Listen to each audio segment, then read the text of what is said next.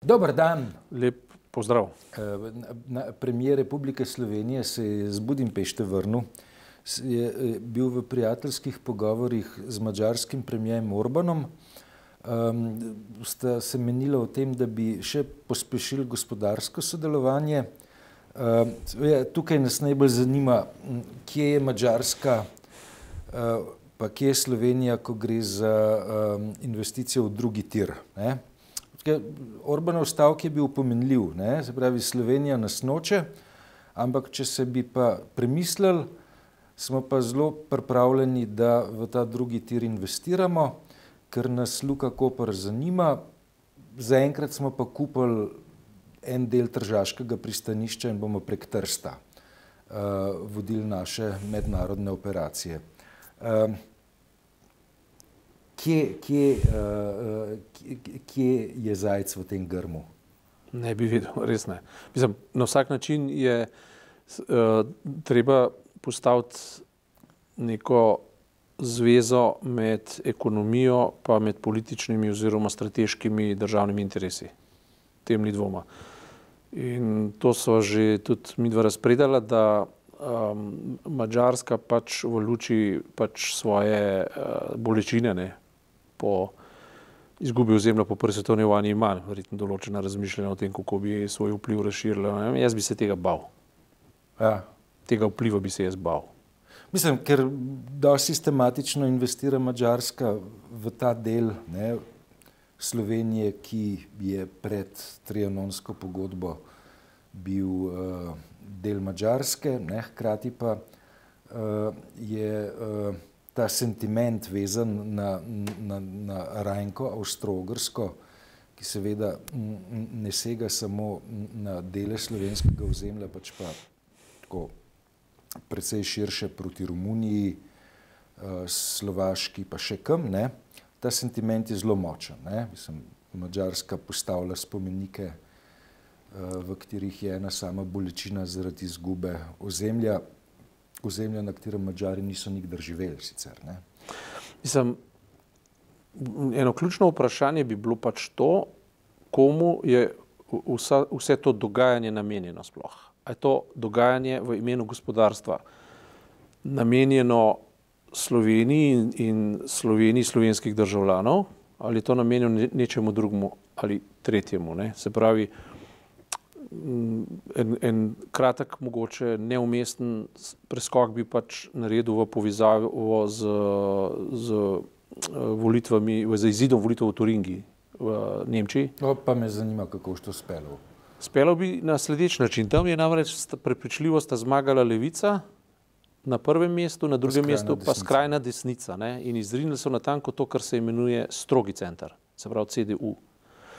Strogi center pa ki je v Nemčiji od druge svetovne vojne naprej um, pač reprezentiral nek nov, modern, nenacionalističen, propulziven, človekovim pravicam naklonjen spoj med spoj politike, a, med a, soci, socialno ureditvijo in pa gospodarsko propulzivnostjo je funkcioniral celotno povojno obdobje.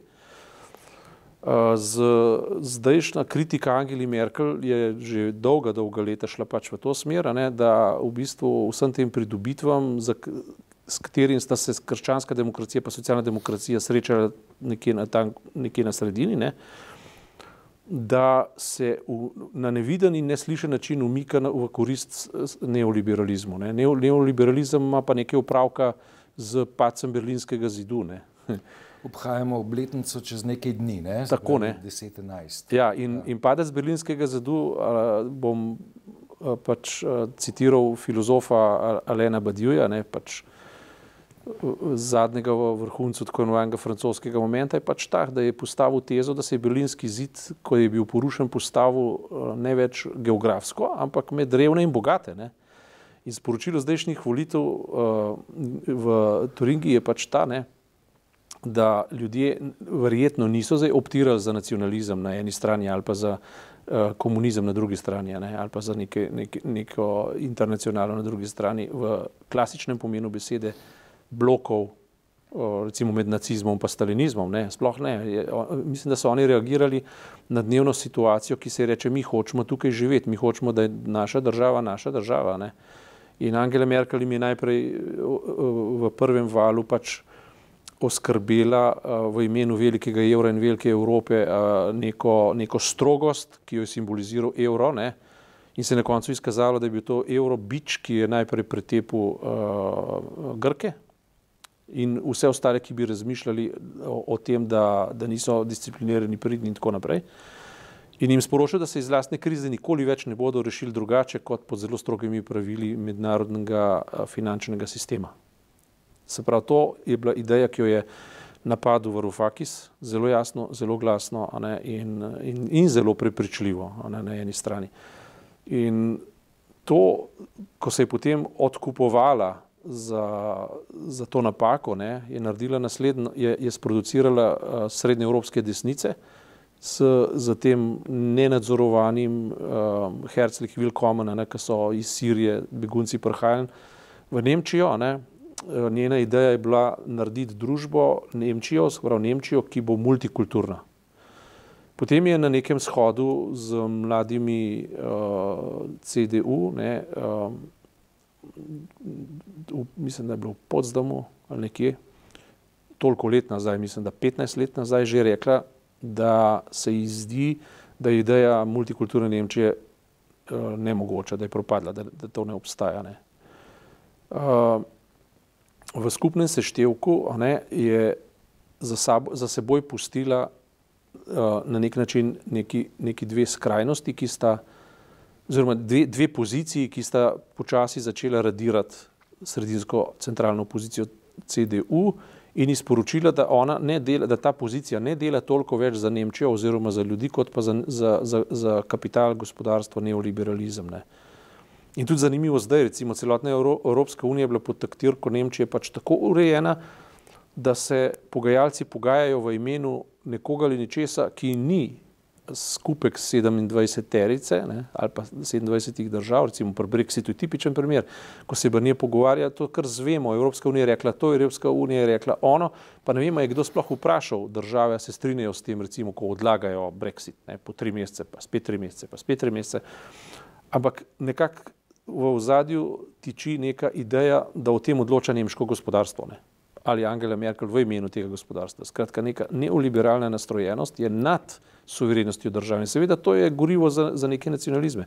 Zdaj se je pa v bistvu v Turingi um, uh, je prišlo pa notranje politično sporočilo. Ne? Mi s tem nismo zadovoljni in razumi že enkrat, ne, da je treba dati nekaj ljudem, ne pa neki abstraktni neoliberalni stvari, ki na koncu koncev zadane male ljudi. Ne? To, to se mi zdi tudi zgodovinska sporočila, o tem sem zapisal pač v, sobot, v, za v soboto. Ne. Če pogledaš, če pogledaš to zvezdno deželo ne, in ji poskušaš določiti srce, tako rahlo, rahlo na Weimar. Weimar, ne. Jena. Tako ne, v ravni črti, Jena, Weimar in tako ne. In, in to je prostor velikih zgodb, ne. Weimar sigurno, Jena tudi, ne. Mislim, tam je bila univerza v, v Jeni, Weimarska republika, recimo, ki je nastala oziroma Eh, se je oblikovala v dilemah po eh, prvi svetovni vojni 1918, ne, ko so bile vojne reparacije tako, tako hude, eh, da so bile praktično neozdržne ne, in, in, se, in se je na ta način spočil nacionalizem. Ta, ta duh ne, Weimarske republike in, in vsega, kar je zatem prišlo, na drugi strani pa tam, tam se eh, na tej osi je na Weimar spočine tudi uh, nemško razsvetljenstvo, vendar je nekaj sporočen. Zato se mi zdi, da so te volitve na nek način, tako, jih je možno simbolno prevezati, no? tako, če tako rečem. Ne? In to, kar se sproža v vseh drugih državah, konkretno zdaj recimo tudi v Italiji, ker se spet Salvini poskuša triumfirati iz uh, lokalnih volitev lokalne volitve in tako naprej, ne? Uh, vendar sporoča, da v bližnji prihodnosti ne, se, bo, se bo ta neka, neka ideologija stroge, stro, stroge sredine evaporirala, bo izparela, bo razpadla in prostor bodo zasedli spet uh, tisti, ki ljudi uh, nagovarjajo v neki zelo neposredni govorici, neposrednih potreb na neposrednih, v neposrednih okoliščinah in na konkretnem terenu. Ne. S tem smo pri Urbanu? S tem smo pri tej logiki, da desnice lahko vzcvetijo zelo hiter in zelo močno. Ne. Levice bodo poskušale pač na ta vprašanja odgovarjati iz neke druge logike, ne. se levica je zdaj zmagala tam, uh, to je, to je um, To je pač neko sporočilo, ampak konkretno, ne, srednja evropska desnica, zdaj, če, so, če se vrnemo na temo, pa na Orbana, ne, je uscvetela točno na anti, antimigranski retoriki in na kritiki liberalizma, ampak na hkratni popolni podpori ne, neoliberalizma in neoliberalistične logike. Kar je paradoks. Kar je pa paradoks velik, ne, ja. zaradi tega in, in Orban je v bistvu prav poseben spoj čistega nacionalizma in neoliberalizma hkrati. Ne? Ker, veš, neliberalna demokracija ne pomeni, da, da pa ta demokracija nima zelo močnih elementov neoliberalizma. Se, mislim, neoliberalizem je ena, ena, no, ena posebna pod, podzvrst te ideologije, ki ekonomizem postavlja pač na prvo mesto, hkrati pa nacionalne atribute uveljavlja in, in um, Uh, pač na ta način, da jih koristijo, no? čisto enostavno, zato ker rabijo neko ekonomsko podstat, ki si jo s tem zagotovijo. Ne? Ker po, po domače povedan, uh, je v tej smislu zelo naklonjena razslojitvi družbe, ne? se pravi na super bogate in uh, revne, pa pol zaničuje čez neveljavnost levice. Ne?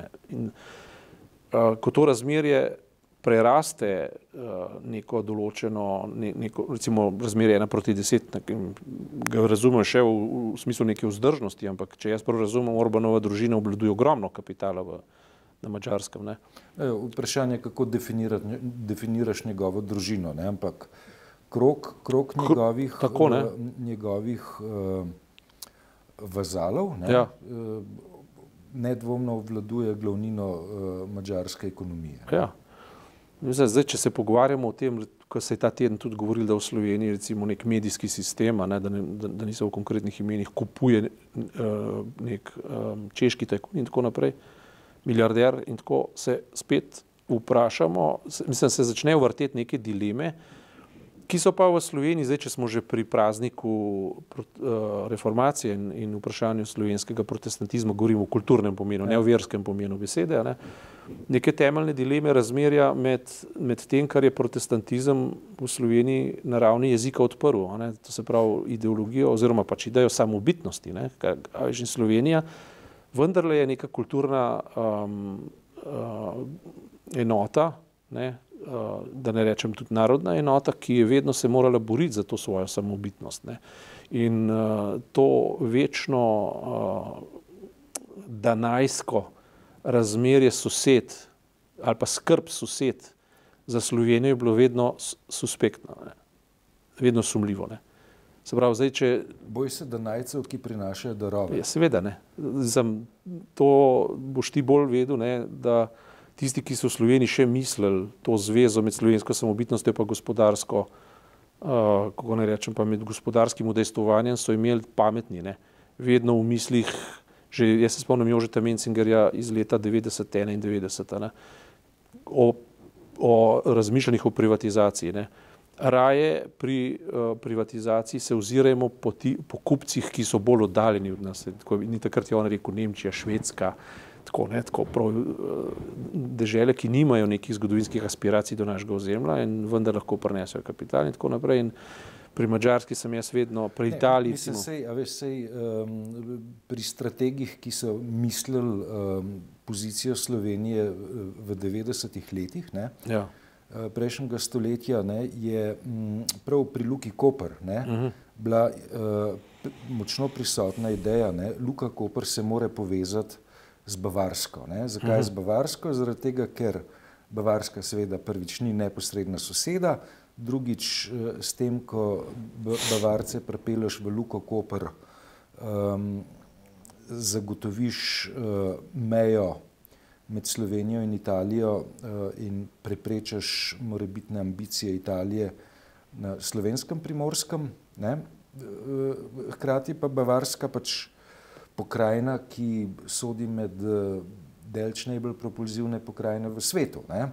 In bi ta kombinacija seveda bila lahko zmagovita kombinacija, se pa nikdar uh, ni začelo udejanjati v smislu, veš, da bi uh, Nemčija bila zelo intenzivno prisotna recimo pri razmišljanju o gradni drugega tira uh -huh. uh, ali pa investiranju v drugi tir ali karkoli. Ja, bo, bolj od Pahor kot premijer je takrat razmišljal v povezavi z Nemci, ne, če se spomniš, v zvezi z drugim tirom.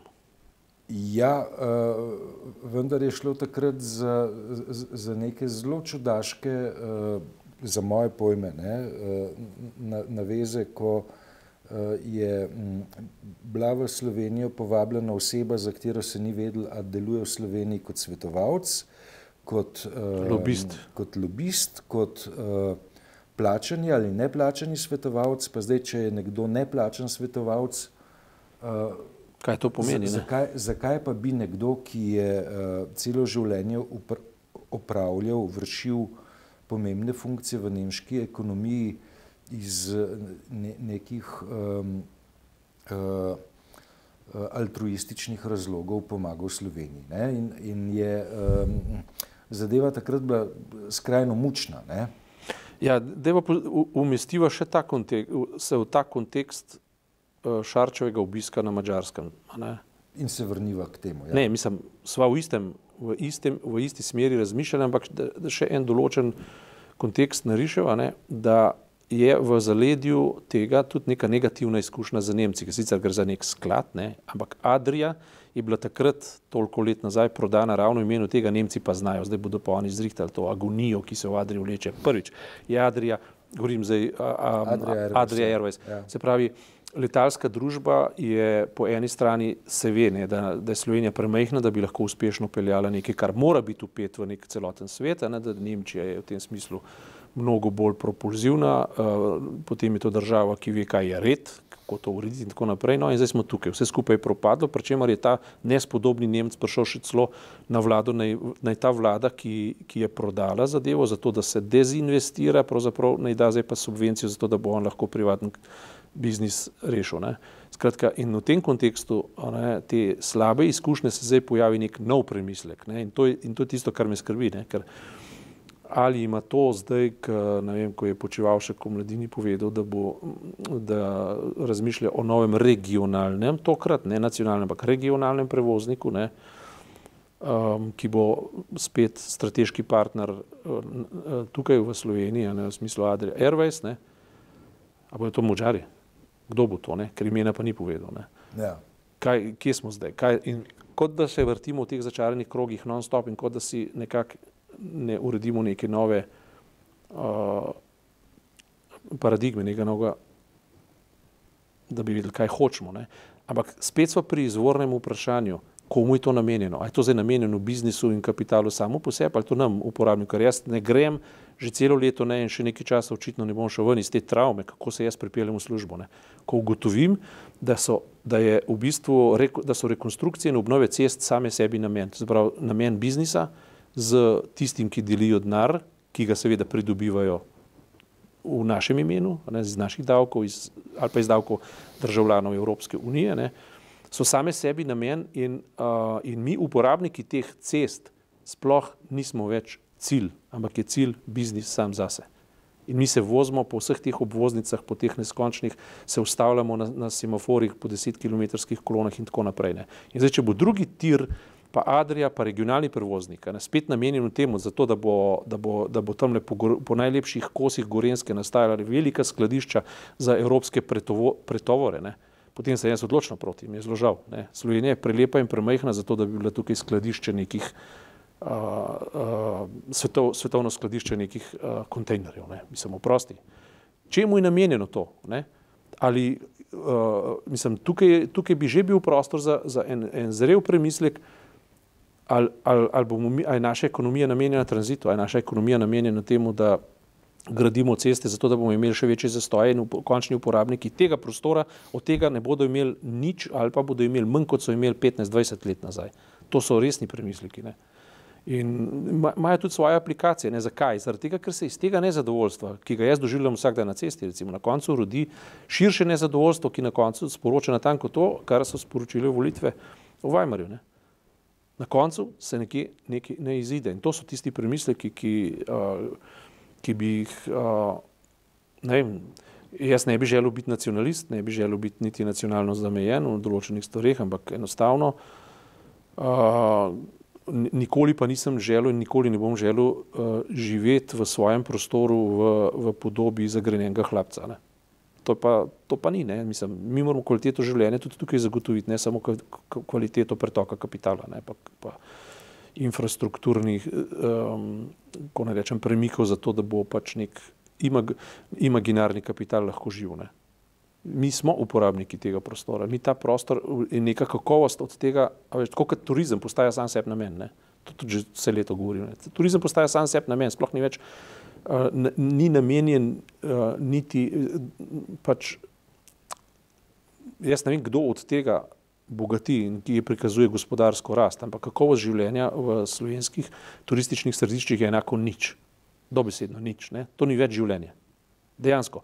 Zato, da se, da se tam pretakajo sto tisoči in milijoni uh, mimobežnih turistov, nizkocenovnih mimobežnih turistov, zato da, da ti degradiraš okolje, recimo Triglavski park je popolnoma degradiran. Uh, in zato, da tisti, ki so pač tam pokupili neke apartmaje, lahko služijo masne denarje, zato ljudje več ne živijo. Ne? In če to zdaj ekstrapoliraš na celotno Slovenijo, da muzej vso infrastrukturo zadolževal Slovenijo, črpal evropska sredstva in Slovenijo um, podredil nekemu abstraktnemu interesu neke, neke, nekih nadljudij, ki so v terminih paca Berlinskega zidu v bistvu postali bogati in imajo postali do revnih, oprosti, tle se jaz ne grem, oziroma tle, tukaj jaz naslavljam ostar protest in to ni uh, odmaknjeno od temeljne diskusije, ki tudi v Sloveniji teče preko določenih pač angažiranih uh, uh, aktivistov ali pa tistih, ki znajo razmišljati o tem uh, v razmerju, uh, kako tretiramo socialo. Sem to, to niso tako odmaknjene stvari ena od druge, to je vse povezano. Ne? Kako percipirati uh, našo družbo? Ne? Ali je to družba, ki bo uh, razslojena in, in tam, ko enkrat ideologija zmaga na tej ravni, da ti nekomu, ki je reven ali pa ki dela, ki je delaven in reven, ne, mu ukinjaš socialne dodatke z, z tezo, da mora še več delati, zato da bo lahko preživel, hkrati pa bogatim sporočaš, da jih razbremenjuješ, zato da bojo še bolj bogati, skratka, da bo lahko šli še na ene počitnice več, medtem ko revni ne bodo mogli osnovnih potreb zadovoljiti, plačevati računov, najemnin, uh, imeti toplih obrokov in tako naprej. Prosti, to je debata, ki se tiče vsega tega, s čimer smo začela. Ne? In s tem bomo končala. Prav. Hvala.